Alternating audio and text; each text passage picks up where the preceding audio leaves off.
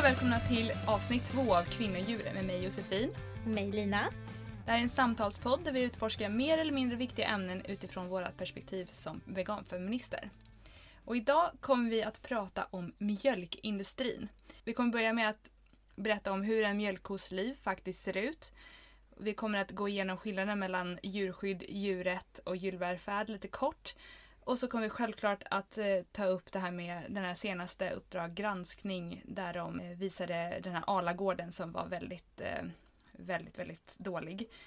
Och vi kommer självklart att ta in en feministisk vinkel på det hela. Eh, men som vanligt så startar vi med tre snabba.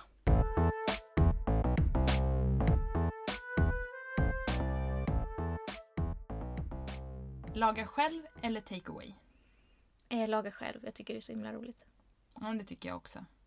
Take away är schysst att ha som komplement så här, men Mm. laga själv är mycket mer variation. Japp. Håller med. Mandelmjölk eller havremjölk? Eh, havremjölk. Jag tycker mandelmjölk smakar vatten. Mhm. Men, Jag tycker mandelmjölk smakar typ komjölk ibland. Uh, nej. Jo, fast alltså utan den här, utan den här um, um, vad heter det? Eh, vad heter den där smaken? Alltså eh, unkna. Nej, unkna. Jag tycker att alla animaliska produkter, när man inte ätit det på ett tag, har en väldigt unken smak. Alltså, ja, men det håller jag med menar? om när jag gjorde veganutmaningen och sen åt ost efteråt. Så tänkte jag att så här, det här smakar lite unket. Det är så gammalt typ. Ja, men så här unk. Alltså, Mm. så här, Men jag tycker också att det smakar surt. Eh, men det är lite samma eh, kanske, att det blir lite gammalt så. Ehm, men nej men jag tycker, eh, jag, jag älskar mandel och så här bittermandelsmak och allt sånt där. Eh, så att jag tror att när jag, när jag dricker mandelmjölk som man köper så tänker jag att åh vad gott det här ska bli, det kommer vara jätte eh, krämigt och så här. Och sen så, så smakar det typ inte så mycket mandel och så, så, smak, så är det inte så gräddigt. Jag har gjort egen mandelmjölk och då hade jag så dubbelt så mycket mandlar som man skulle ha i receptet. Åh, då blev det jättegott. Men Mm. Och så gillar jag ju, jag är, jag är liksom totalt sockerberoende så om det inte är en sötad mandelmjölk då kommer jag spotta ut den. Det är så himla äckligt. Men har du testat den här Alpros eh, rostade? Alltså, Ja, den, tycker är, jag den är god men det är fortfarande så här, alltså nu är, när jag är ganska van vid den här liksom, eh, de här eh, kaffehavresorterna, de är ju väldigt så här, krämiga och liksom Mm. tjocka. Då blir det, alltså det är blaskigt alltså. Mm. Även om smaken är rätt god. Mm. Ja, men jag håller med. Ja, Eh, havre och, och dig lång. Ja, för jag, jag, jag, kan nästan säga, jag skulle nästan säga mandelmjölk och bara dricka och havremjölk i kaffet. Och sen så Mm. har jag sojayoghurt och inte havre. och vi lägger till en. Havregurt eller sojgurt? Åh gud, sojgurt. Fy fan vad äckligt det är med havregurt. Ja, sojgurt alla dagar. Mina barn äter havregurt eh, på förskolan och jag är väldigt glad över det för att jag tänker att det är bra att de vänjer sig vid Ja. olika smaker. Men det är ju tapetklister. Alltså, Ja, det är det är ju jätteäckligt. Men ja, det, alltså för att gå tillbaka till, till havremjölk. Alltså jag tycker ju inte om vanlig havremjölk. Det är ju också vatten. Det smakar ju vatten med, utblandat med mjöl. Typ.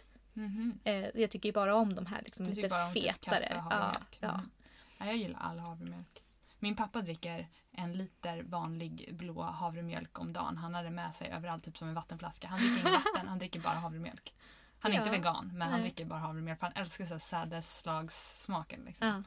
Typ havregrynsgröt. Han tycker det är som att dricka havregrynsgröt. Han älskar det. ja, det sa en av mina kollegor när jag gav, jag gav henne i kaffe i hennes kaffe. Mm. Hon bara åh, mm, det här smakar havregrynsgröt. Vad kul, för vissa tycker inte alls det. De flesta tycker att det är godare än komjölk. Alltså nu för tiden Ja, jag typ de tycker det. flesta det. Mm.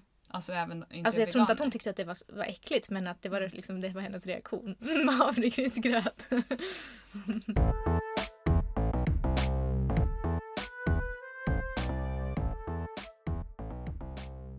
Det här är ett väldigt viktigt ämne där med mjölkindustrin. Eh, framförallt ur ett feministiskt eh, perspektiv när, på djurindustrierna. Eftersom att korna på något sätt ses som mammornas mamma. Eh, med mamma Mu och vi, vi, liksom, vi lär oss att eh, som små att kor liksom ger oss mjölk och det är en mamma. Eh, man lär sig det väldigt tidigt. Eh, och hela den här kopplingen till feminism vi kommer komma in på kommer vara väldigt tydlig. Men innan vi går in på hur en mjölkkos liv ser ut så vill jag bara skilja på det här med djuret, djurskydd och djurvälfärd. För det är någonting som diskuteras väldigt mycket och som väldigt lätt kan användas som synonymer till varandra. Men djuret är det som veganer eh, ofta fokuserar på. Eh, vi pratar om att djuren har rätt till sina egna liv. eh, och att det inte handlar om att djuren ska ha det bra utan att de ska få leva eh, sina liv i frihet. Liksom. Djurskydd eh, handlar istället om de lagar som finns kring djurhållningen i ett land. Till exempel hur stora ytor de får leva på eller om de ska vara ute på bete och sådana saker. Och den sista biten är då djur, djurvälfärd som egentligen kan definieras utifrån djurens egna upplevelse som ifall de, ja, men ifall de har det bra, eh, om de trivs och sådär. Sånt som det är egentligen ganska subjektivt utifrån djurens, eh, eh, djurens liv men det finns ändå som ett koncept. Så de tre är väldigt skilda. Eh, Man kan ju säga då att, ja. typ att djuret det är ju eh, om vi ska få eh, utnyttja djur eller inte. Och djurskydd är att när vi utnyttjar dem, hur ska de ha det då? Typ. Ja, precis. Ja, vad bra att du förklarade det så. Lite så här, ja. eh, sammanfattning. Ja, eh, och, djur, och djur, djurvälfärd är en sammanfattning då. Det är jag vet inte, jag blandar, ihop, jag blandar ihop djurvälfärd och djurskydd. Ja, men det, jag läste det för det är en ganska stor skillnad på just det. För att eh, veterinärer till exempel jobbar ofta med djurskydd och djurvälfärd. Men djurvälfärd handlar ju liksom om att de vill att djuren ska verkligen ha det så bra som möjligt. Men det finns in, inga, inga lagar kring det. Liksom, mm. utan de vill att de ska må bra. Den upplevda. Eh... Ja, djurens upplevda mm. välfärd. Liksom. Mm. Ehm, men det är ingenting som någon bonde måste egentligen enligt lag kanske eh, ta hänsyn till. Vi kommer ha ganska mycket olika källor i det här avsnittet och vi samlar alla de källorna i, eh, i avsnittsbeskrivningen. Men bara sådana grundläggande djurskyddskrav som finns, eh, som man kan hitta på regeringens hemsida, eh, de enligt djurskyddslagen då, det är ju att djuren ska behandlas väl och skyddas mot onödigt lidande och sjukdom. Superspecifikt. Mm. Mm. Jättespecifikt. Så extremt eh, tolkningsbart. Mm. Och alla vi som har sett den här Alagården har ju förstått att det kanske inte alltid efterföljs. Vi går in på, mm. mer på det sen. Men också att de ska sköta sig i en god djurmiljö på ett sånt sätt som eh, gör att deras välfärd främjas. Jättespecifikt. Um, men, och vi är ju inga kor själva. Vi är ju inte de här korna själva. Så vi kan ju inte veta exakt hur de upplever det. Vi kan ju bara sätta våra utifrån våra liksom, tankar och värderingar. Vad vi tänker är bra för dem. Utifrån det perspektivet att vi vill utnyttja dem. Liksom. För mm. fokuset är ju alltid vi, vi ska utnyttja de här djuren. Sen får vi väl göra det på ett så bra sätt som möjligt. Typ. Eh, och sen så finns det även såklart krav på eh, tillsyn och foder. Och att de ska må bra. Eh, och att det ska hållas rent. Men en, en, en stor sak i den här, grund, i den här eh, djurskyddslagen som handlar lite om, eller mycket om, kring feminismen är ju det här förbudet mot sexuella handlingar med djur.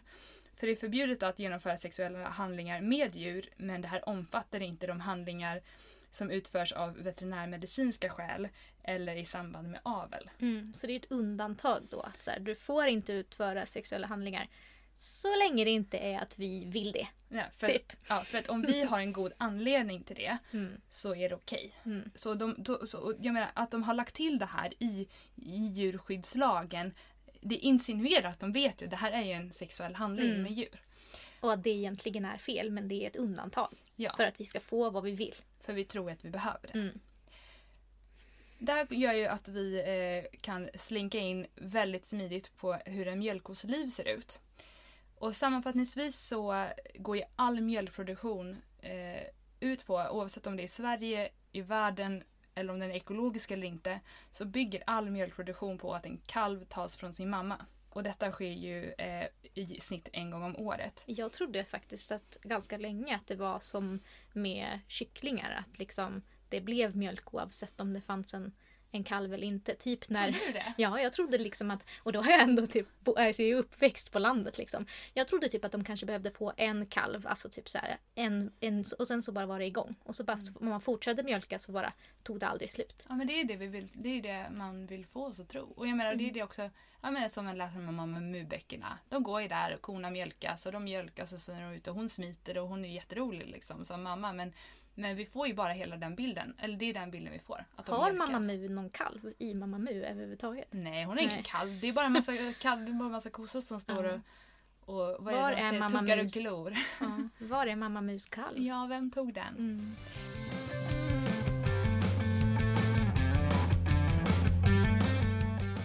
En mjölkkos liv, det, det hänger ihop för allting är en cirkel. För först är man en kalv som växer upp och så. Vi kommer till det alldeles strax. Men för att det ska kunna bli en liten kalv i en kos mage så behöver en ko insemineras. Eh, självklart med tjursperma. Och den tas ju såklart från en tjur. Eh, vi, jag tänker att vi ska prata mer om de här akterna i ett avsnitt om sexuellt våld. Men ni kan ju föreställa er hur man får den här sperman från tjuren. Det finns olika sätt. Och då stoppar man alltså in sin fist. Då, alltså bonden trycker in sin näve i rumpan på kon ehm, och sen så sprutar man helt enkelt in sperman. Eh, Man håller fast vaginan och så man, kan liksom spruta in Och sperman. kon är då eh, fastkedjad eller fastbunden vid det här laget vid Mm. någonting som på eh, engelska kallas för rape rack. Ja, undrar vart den fick det ordet ifrån. Mm. Ja, eh, det är ju ja, nej, det är bara så vidrigt. För ja, vem som helst förstår väl att det inte sker med, med hennes vilja. Det Liksom. finns inget samtycke Det finns inget överhuvudtaget. Och om man ser till eh, djurskyddslagen så förstår man ju varför man har valt att formulera den så.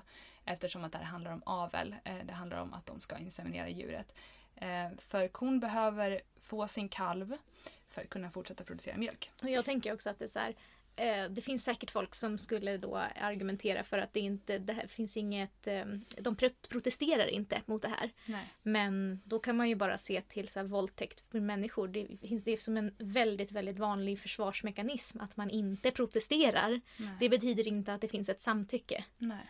Och Bara lägga till och, det. Ja, och binder man fast, håller man fast någon och trycker in, alltså så här, Ja, vad ska Det- hon göra? vad ska hon göra? Det är så synd om det här. Och kor, kor är liksom kännande, smarta, eh, liksom så här sörjande, liksom vårdande individer som inte vill annat än att ta hand om varandra. Och de är liksom så här, säkert på det här, alltså, de är ju däggdjur, precis som oss.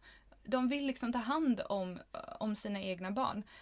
Men efter nio månaders graviditet, som också vi går igenom, vi, vi människor, så föder hon då den här kalven.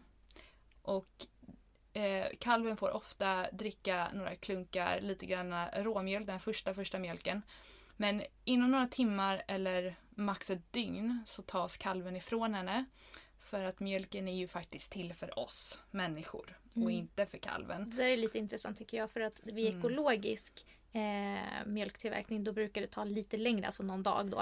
Eh, men jag tror nästan att, eller alltså det är ju pest eller kolera men men då, man ska, säger ju att det skulle vara bättre då för att den får vara med mamman lite längre. Men det är- Mm. gör väl bara att liksom, det, det knyts ett ännu starkare band, Ja. tänker jag.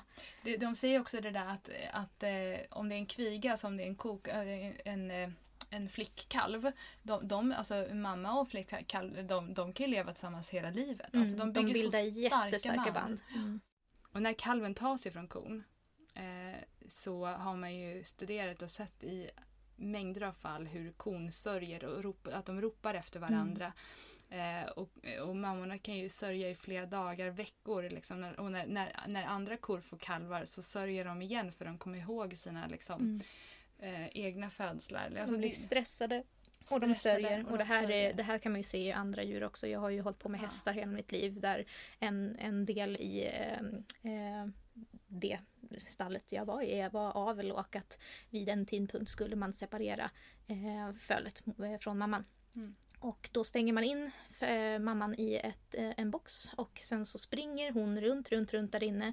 Skriker, gnäggar, försöker ta sig ut Mm. för att komma till sitt barn. Mm. Och mjölkkorna, eh, man har ju sett liksom hur de springer efter vagnen när kalven körs iväg. Mm. Alltså de är däggdjur, vi är däggdjur. De är andra djur som Mm. vill leva som, liksom, som vi med våra barn. Ja, Alltså, det är en biologisk, liksom. Det Ja. är inprogrammerat att Tank- vi ska bry oss om våran avkomma. mm. Tänk att tanken att föda ett barn och någon tar den ifrån en och man får inte liksom amma och ta hand om den som är allt man liksom, eller ja, alltså så som. Ehm, alltså det är bara, Nej, jag bara tycker att det är så hemskt.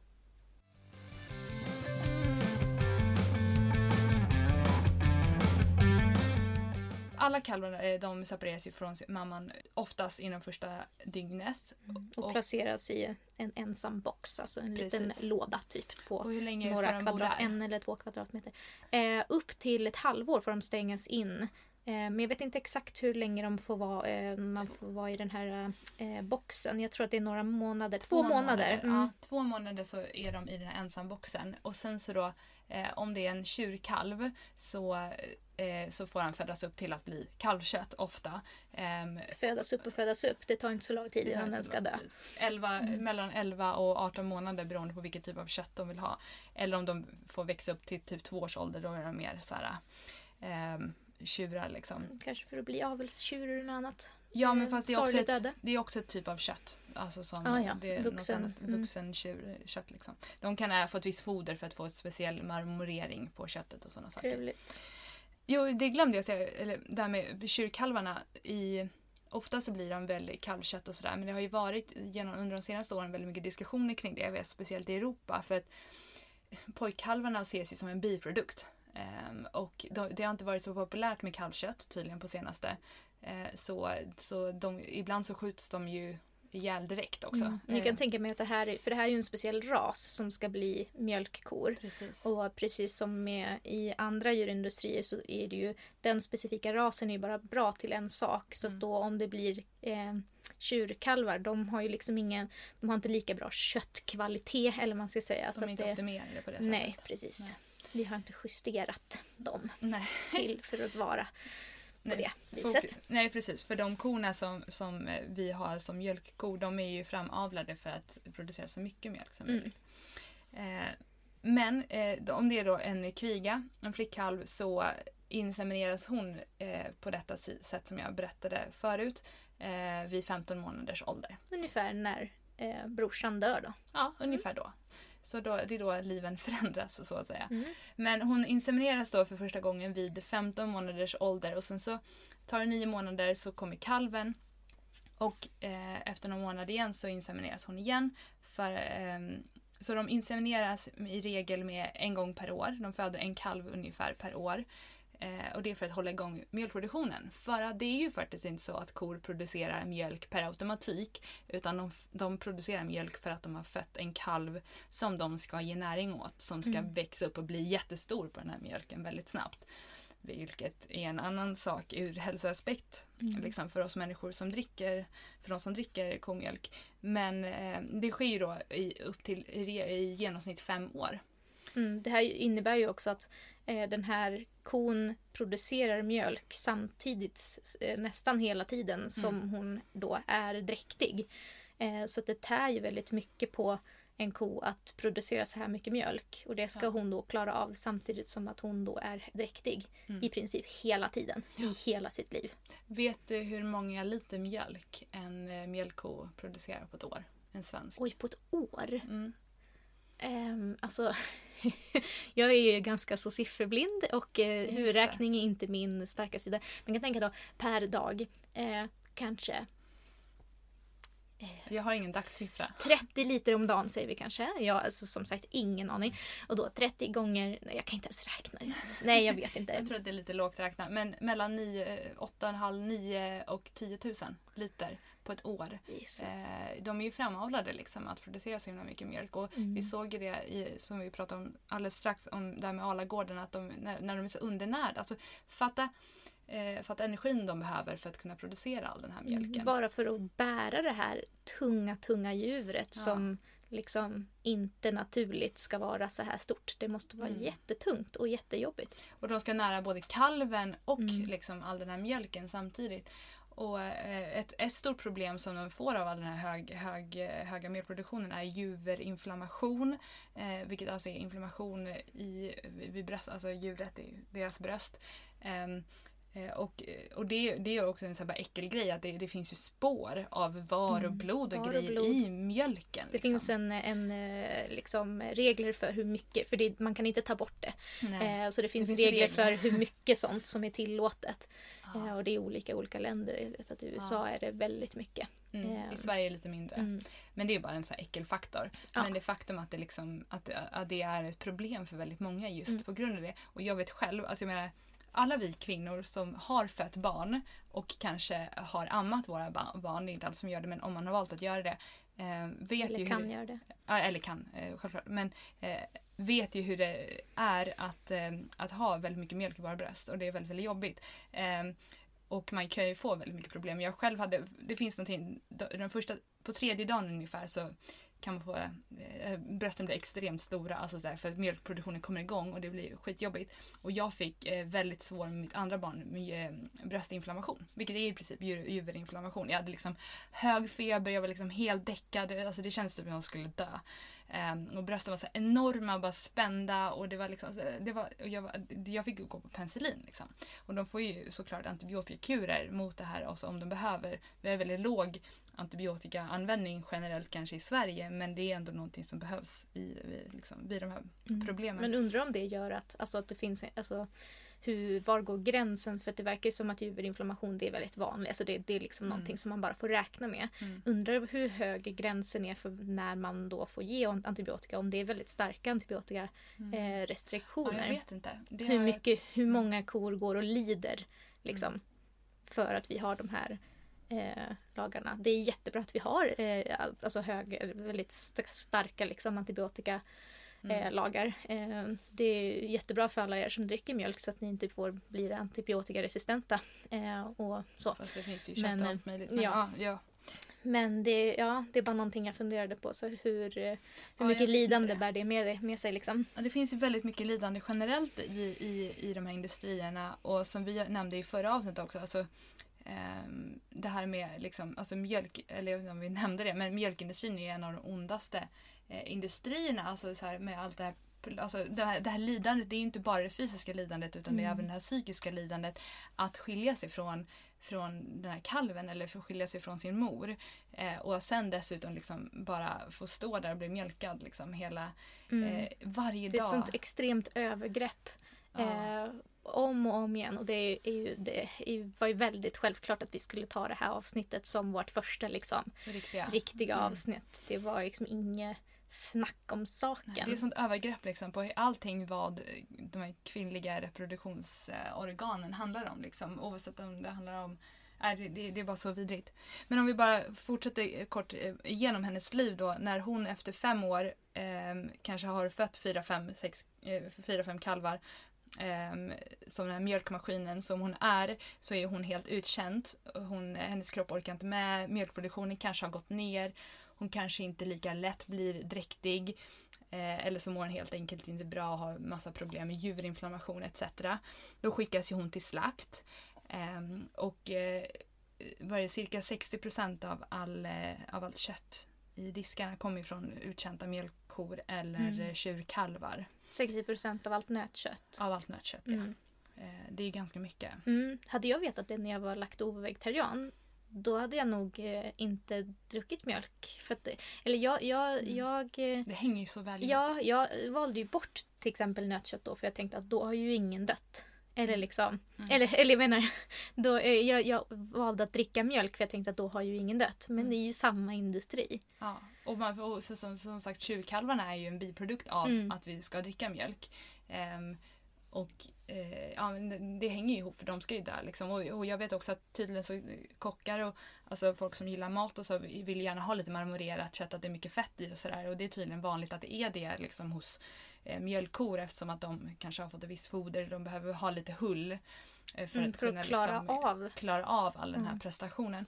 Eh, men det, vi ska strax prata om, eh, om om Arlagården. Men 2015 så, så fanns det ett Kalla fakta.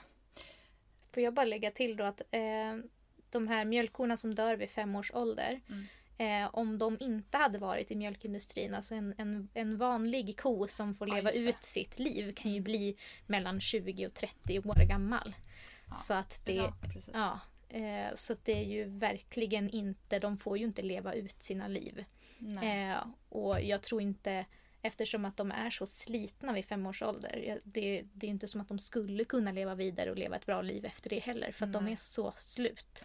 Och allt det här med att, att alla de här bönderna som älskar sina djur och tar hand om sina djur så väl.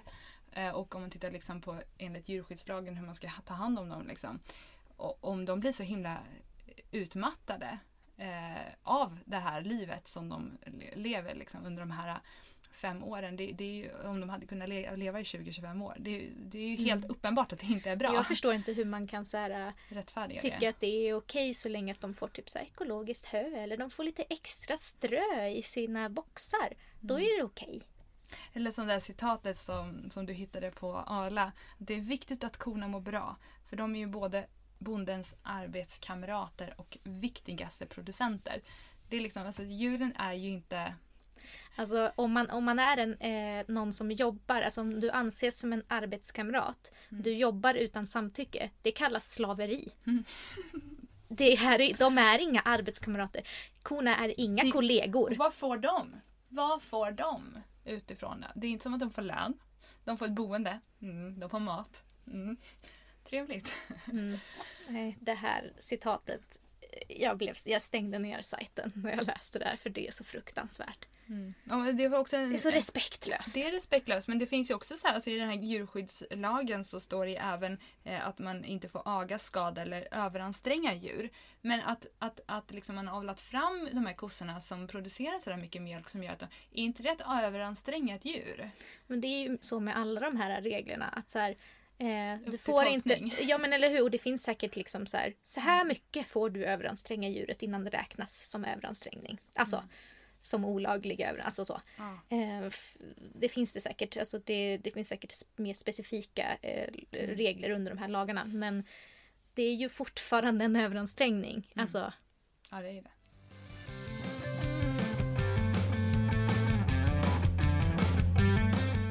Vi ska alldeles strax eh, snacka om Arlagården. Men, eh, och det har ju varit väldigt mycket hype kring det. Många som har sett det och tycker att det är för jävligt. Ehm, självklart, för att det byter ju på något sätt mot den bilden som vi har av Bregottfabriken. Men eh, Kalla fakta hade ju faktiskt ett avsnitt 2015. Där de pratar om ja, men lidandet i, alltså för djurindustrin. De tar upp flera olika eh, djur. Eh, men en del av det här eh, handlar ju om högdräktiga kor som åker till slakt. Eh, jag vet inte om hur mycket du vet om nej det. jag vet inte så mycket, jag har inte sett det här så du får jättegärna berätta. Ja. Eh, så ska jag försöka att inte börja böla. Ja. Eh, det här är något som inte så många vet, självklart. För det här är ju en ganska så, tabubelagd eh, del av det hela, som att inte andra är hemskt nog. Men jag fick reda på det här för att jag hörde en aktivist som berättade om en undersökning ifrån, eh, ifrån eh, England. Men den var ju från 95-96 och jag tyckte det var lite mossigt. Så jag kollade upp den svenska statistiken som var mer aktuell. Men eh, det handlar helt enkelt om att eh, högdräktiga kor skickas ju till slakt. Eftersom att korna eh, är gravida typ hela tiden så slinker det ju självklart med en och annan gravid ko eh, till slakt. Eh, och i England så var, är det väldigt, väldigt många fler. Eh, till, i det här, när det här eh, Kalla fakta-avsnittet gjordes så var det 140 stycken i Sverige som eh, högdräktiga kor som skickades till slakt. Eh, det är inte olagligt enligt lagen att slakta en gravid ko oavsett stadie. Det är inte olagligt att slakta henne. Men man får inte transportera henne inom fyra, eh, fyra veckor innan kalvning. Man får alltså inte transportera djuret inom fyra veckor innan kalvning. Men, man som- kan alltså typ skjuta henne på gården då. Eh, ja, alltså det är ju Mm. helt alltså, lagligt att, eh, att eh, slakta eh, ett, en För vi pratar ju inte om avlivning här så att både liksom eh, kon och kalven dör, somnar in liksom. Utan, eller det, jag, Nej, jag vet ju nej, inte men, nej, men jag ska- jag misstänker då att det är någon form av skjutning så att kalven... Nej, jag ska, jag, ska, Mm. jag, ska, jag ska komma vidare till det här. Eh, Mm. där, nej, men det är inte så kul.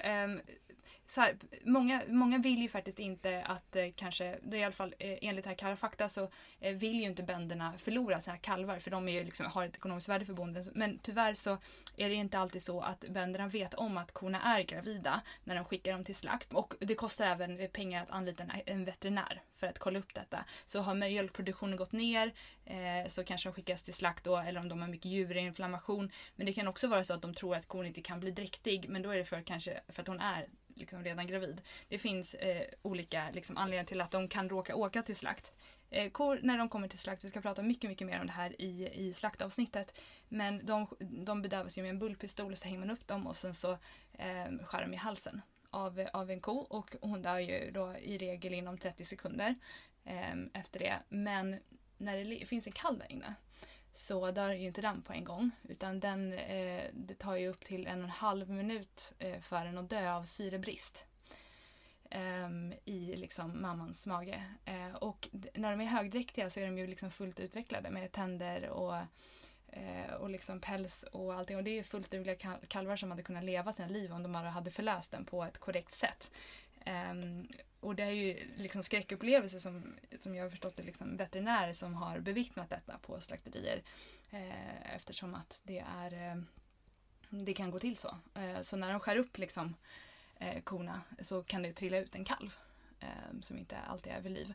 Eh, och eh, det, det är ju liksom fatta att födas på ett slaktgolv. Liksom. Eh, enligt den här. Ja, alltså det, det, det är så otroligt vidrigt.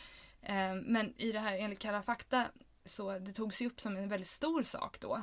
Eh, och det var väldigt hemskt. Jag vet inte hur mycket media det blev på det men då var det 140. Året efter var det 158 som hade upptäckts. Eh, tror du att det har ökat eller minskat? Jag tror att det har ökat. Det har ökat med 50 procent på två Mm. år så nu är det 232 som fall som upptäcktes förra året. Enligt den här undersökningen i, eh, som jag hörde då först initialt så var det typ 150 000. Där var det då 94 95 i, i England men det har inte, vad jag vet, inte skett så stor förändring där. Ehm, men det händer ju också enligt den undersökningen, eh, där togs inte upp i Kalla fakta men eh, att, eh, att, att kalvarna fortfarande var vid liv. Mm. För det finns också en regel att de ska hänga, om de vet att kon är dräktig så ska hon hänga kvar längre så att kalven Så hinner dö. dö. Fan. Men hinner inte kalven dö om de inte vet att hon är dräktig så, ehm, så går den vidare till liksom slakten. Och, eh, eller att de skär upp Vidare i djuret. slaktprocessen. Ja, vidare i Mm. slaktprocessen.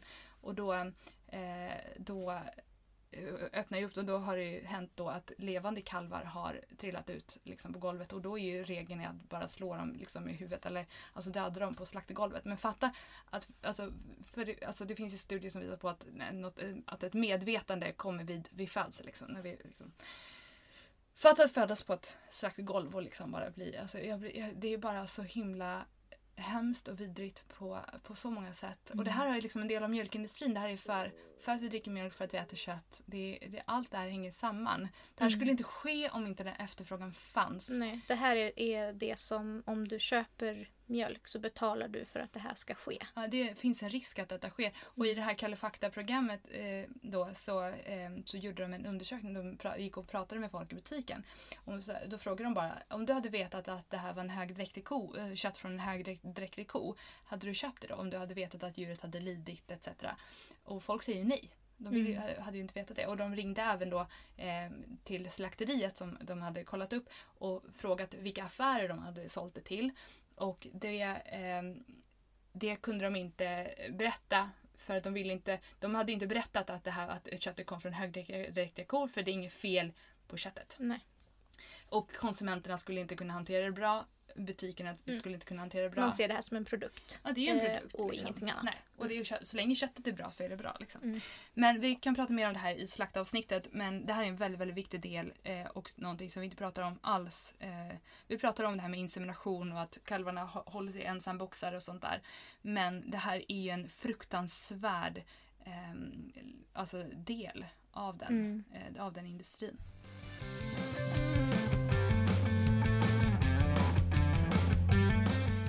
Ska vi gå vidare till eh, och recappa Arlagården lite grann? Ja, vi recapar den lite kort. Jag tror att säkert många har sett den. Eh, vill du? Mm, det, det var ju ett eh, program på SVT, Uppdrag granskning, där de hade gått in på en, eh, en gård då som, eh, som säljer sin mjölk till Arla och eh, filmat eh, där man hade då sett eh, att eh, förhållandena som de här eh, många, många korna, jag vet inte, det var flera hundra tror jag som eh, Jag tror 600 kronor Mm. hade sammanlagt. Ja. Mm. på den här gården då, ehm, som hade det väldigt dåligt. De var väldigt, väldigt undernärda.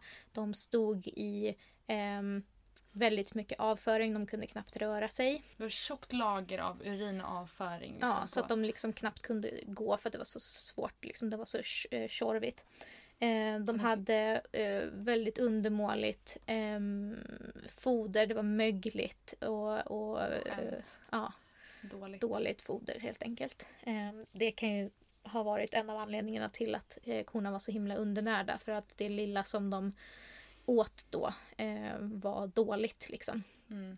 Det hade de ju upptäckt, det upptäckte de också i, i Uppdrag granskning enligt att eh, någon, någon som tog emot deras mjölk, något litet, eh, Mm. att, att, att folk hade klagat på att, Smaka det, illa. mm, att Mm. mjölken smakar illa och då hade de hänvisat det till den här gården. Så då hade de slutat köpa in deras mjölk men de fortsatte leverera till Arla.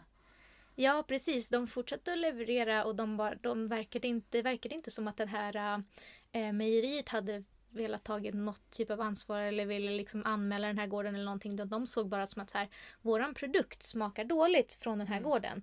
Om vi bara eliminerar dem så kan vi fortsätta Mm. eh, på business as usual. Liksom. Så Mm. därför verkar det finnas ingen liksom, så här, eh, intresse som helst att så här, kontrollera de här eller anmäla dem till Arla eller vad fasen som helst. Eh, Det tyckte jag var lite intressant. Men i alla fall, det här är, ska tilläggas, en gård som inte är en sån här bondgård som man tänker sig när man tänker eh, bondgård på landet där bonden bor eh, liksom på gården. Utan det här är en fabrik. Liksom. Bonden har, eh, bor på en annan gård där det liksom Som tio mil bort tror jag Ja, så han var knappt där liksom. Utan han har eh, typ så här korttidsarbetare som är där och jobbar. Och flera av de här som jobbade där eh, i olika perioder har anmält gården. Mm. För att de, har ju liksom, de får ju vara där och de har ju sett då hur hemskt det är. Men också grannar eh, som har sett djuren i hagarna på somrarna när de får gå ut. Mm. Har också anmält dem. Totalt så var det 38 anmälningar på den här gården. Kan ni tänka er då 38 anmälningar. Så folk som inte bara har åkt förbi och tänkt oj vad hemskt, det här borde någon anmäla så som liksom, Nej. tänker gemene man gör. Eh, utan det är alltså 38 stycken separata anmälningar som har kommit in och det har fortfarande inte gjorts någonting. Eh, om vi ska bara prata lite mer om vad som, vad som man fick se på de här bilderna. Det var eh, kalvar som då hade svultit ihjäl och eh, döda djur som då hade liksom självdött eller blivit, jag vet inte, slagna i huvudet eller någonting. låg hög De låg typ. på högar och det finns tydligen regler för hur länge man får ha döda djur på sin gård. Men där låg de liksom bara på hög typ vid gödselstacken och djur hade, alltså så här vilda djur hade kommit och ätit på dem. Och, nej, det var Men Det fruktansvärt. finns, det, fanns ju några, det finns ju regler kring hur det där ska skötas och de hade ju Ja. misskött det och de hade legat där enligt någon som jobbade där i alla fall i, två veckor och sådär. Ja. Eh, Ehm, och tydligen så har det skett, det har ju skett kontroller på den här gården. Och vid något tillfälle så har de fått liksom att de behöver vidta vissa åtgärder liksom. Men det är ingenting som har följts upp. Det fanns tydligen inga tydliga regler på hur lång tid de behövde eh, alltså, Innan förbättring skulle ha skett. Nej. Ja precis, det verkade ju... eh, Det är luddigt. Mm, för mig verkade det som att de här kontrollerna var liksom inte att så här, de verkade inte vara speciellt ofta. Ja, och eh, det var liksom lite sporadiskt bara. Ja men då råkade det vara en kontroll där och då såg det väl okej ut men nästa gång var det inte det och då sa vi åt dem. Ja du vet så här. Ja, typ att det var smutsigt och de var Mm. undernärda och gör någonting åt det liksom. Ja. Men eh, Men tänk också, alltså, för, för att få ihop 38 anmälningar, det måste ha varit under en väldigt lång tid som det har varit dåligt. Liksom. ja. Och som de här djuren måste ha mått dåligt. Och tänk då liksom att Alltså förutom det som vi har pratat om innan nu när allting då ska så att säga skötas som det ska. Ja. Då, då eh, får ju den här kon extrema påfrestningar av att bara, eller bara vara dräktig och, och pro- producera all den här mjölken. Mm. Tänk då upp på det, att vara undernärd och få eh, väldigt lite eller, och väldigt dåligt foder. Att få stå i sin trångt. skit Ja. och bara kunna typ se och lukta sina döda kalvar utanför. eh. Ja. Alltså man ska inte dra för eh, starka kopplingar mellan eh, här, djur och människor men tänk er själva om ni var i den här situationen. Fast alltså inte dra starka kopplingar. Alltså, det, allt det som är viktigt när det kommer till vårt liv är liksom upplever djuren på samma... De vill leva och de vill vara friska Mm. och de vill vara lyckliga. Det vill vi också. Ja. Det handlar ju, som jag alltid säger, det handlar inte om att de ska få rösta och, och liksom, de- de vill leva och vara Mm. lyckliga och må bra. Är det så jäkla svårt? Liksom? Nej, jag förstår inte. Men det som är intressant med den här dokumentären, eller det är väldigt mycket som är intressant med den här, men eh, någonting som eh, som jag tycker är extra intressant är att de filmade en massa experter och olika människor som fick se de här filmerna och så filmar de deras reaktioner. Alltså folk som jobbar med djurskydd. Liksom. Mm, veterinärer. Eh, veterinärer och alla möjliga. Eh, inspektörer och sådär.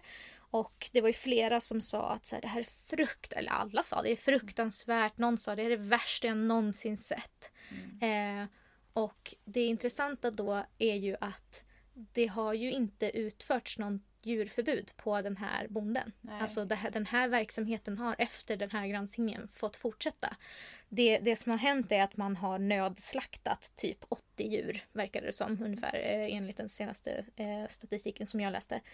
Eh, och det är alltså där de är så far gone att de kan inte producera eh, så mycket som de ska.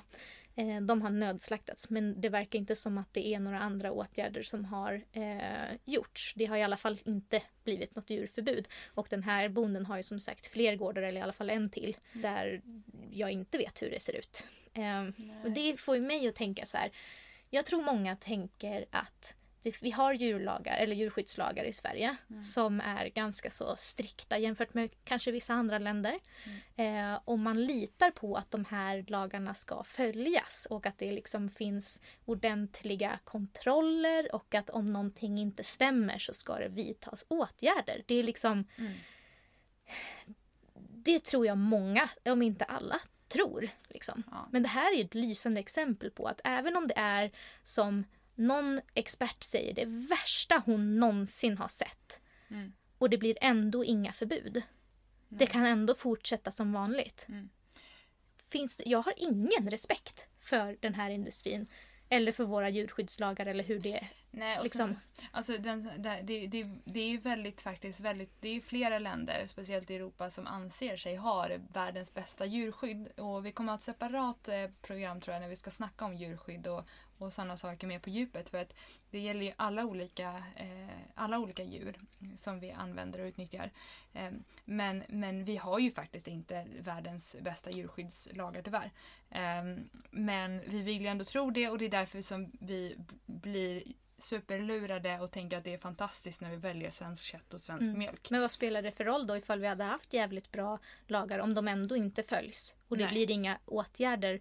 Alltså Nej. det blir in, ingenting händer om man, om man bryter mot dem. Då Nej. kan vi ha hur jävla bra som helst, det spelar ingen roll. Och som en, av, men som en av experterna säger också att hon tycker att det är så hemskt självklart för att det är synd om djuren men också för att det svärtar ner hela branschen för de som, för de som ändå sköter sig. Men då kan vi gå tillbaka till det som vi inledde med och berätta hur, eller ur djurets perspektiv. Liksom. Mm. Hur, hur, Jag hur bra det egentligen är i fabri- branschen. Ja, i Bregottfabriken. Jag tror snarare att det här bara svärtar ner just den här gården och att folk kanske blir tveksamma mot Arla. Liksom. Nu har ju de släppt, släppt växtdrycker så folk kanske börjar köpa det istället. Vi diskuterade ju också det sist. Men Mm. Görd heter deras nya märke. vad heter det? Görd. Vad fräscht.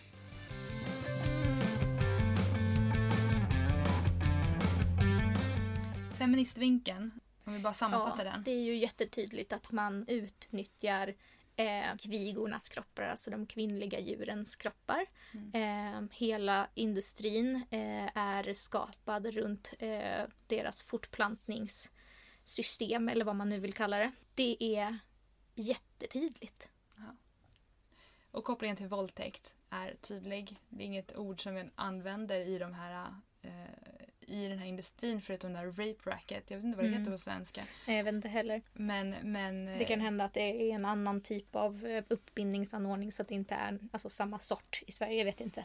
Men att vi, att vi liksom överhuvudtaget tycker att det är okej att inseminera ett djur i ett syfte eh, för egen liksom, njutning. Ehm, Ja, Det- det- njutning det- av att konsumera då. Ja, det finns den här liksom, det här, den, när man diskuterar med folk varför vi ska äta kött och dricka mjölk och sådana saker. Då finns det ju eh, den här slutliga ultimata eh, anledningen är ju smak och njutning, att det är gott. För även om vi inte behöver det, skulle, vi kan leva på annat kanske, men det är ju så gott och det är mums liksom. Och det är mitt personliga val. Eh, men så fort om det, om, när det gäller saker som inte handlar om mat, alltså den typen av njutning, så eh, är ju inte de här sakerna okej att göra.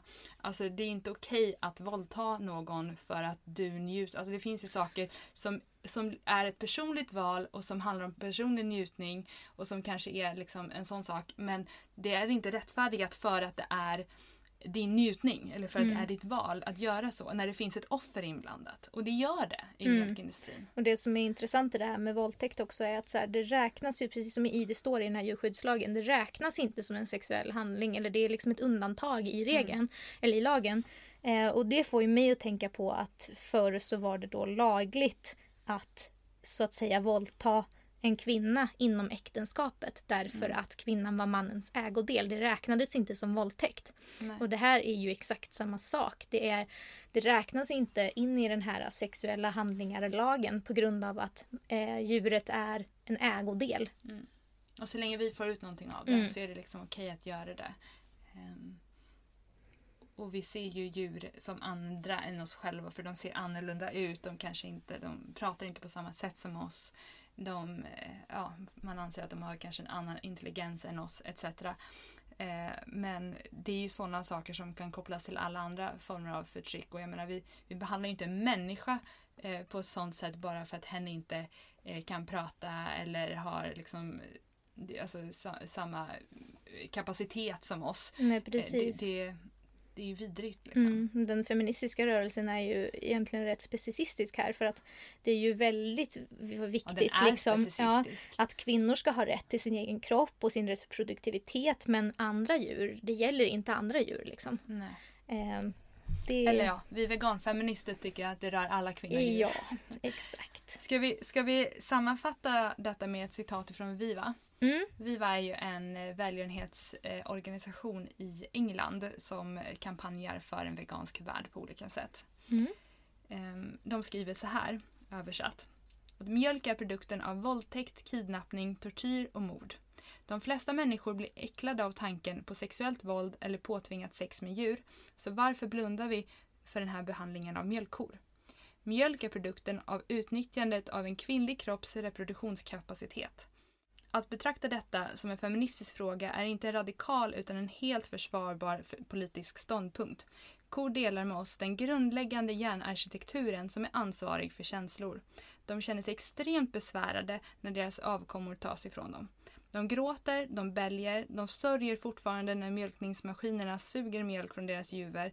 En tortyrcykel av fysisk och emotionell plåga verkställs på dem tills de går sönder. Mjölk kommer från en sörjande mamma och det är en feministisk fråga.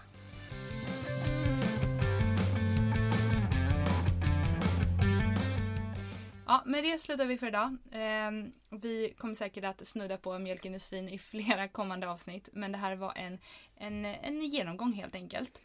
Vi kan ju säga också att det här var första avsnittet i en serie om olika djurfabriker eller olika djurindustrier.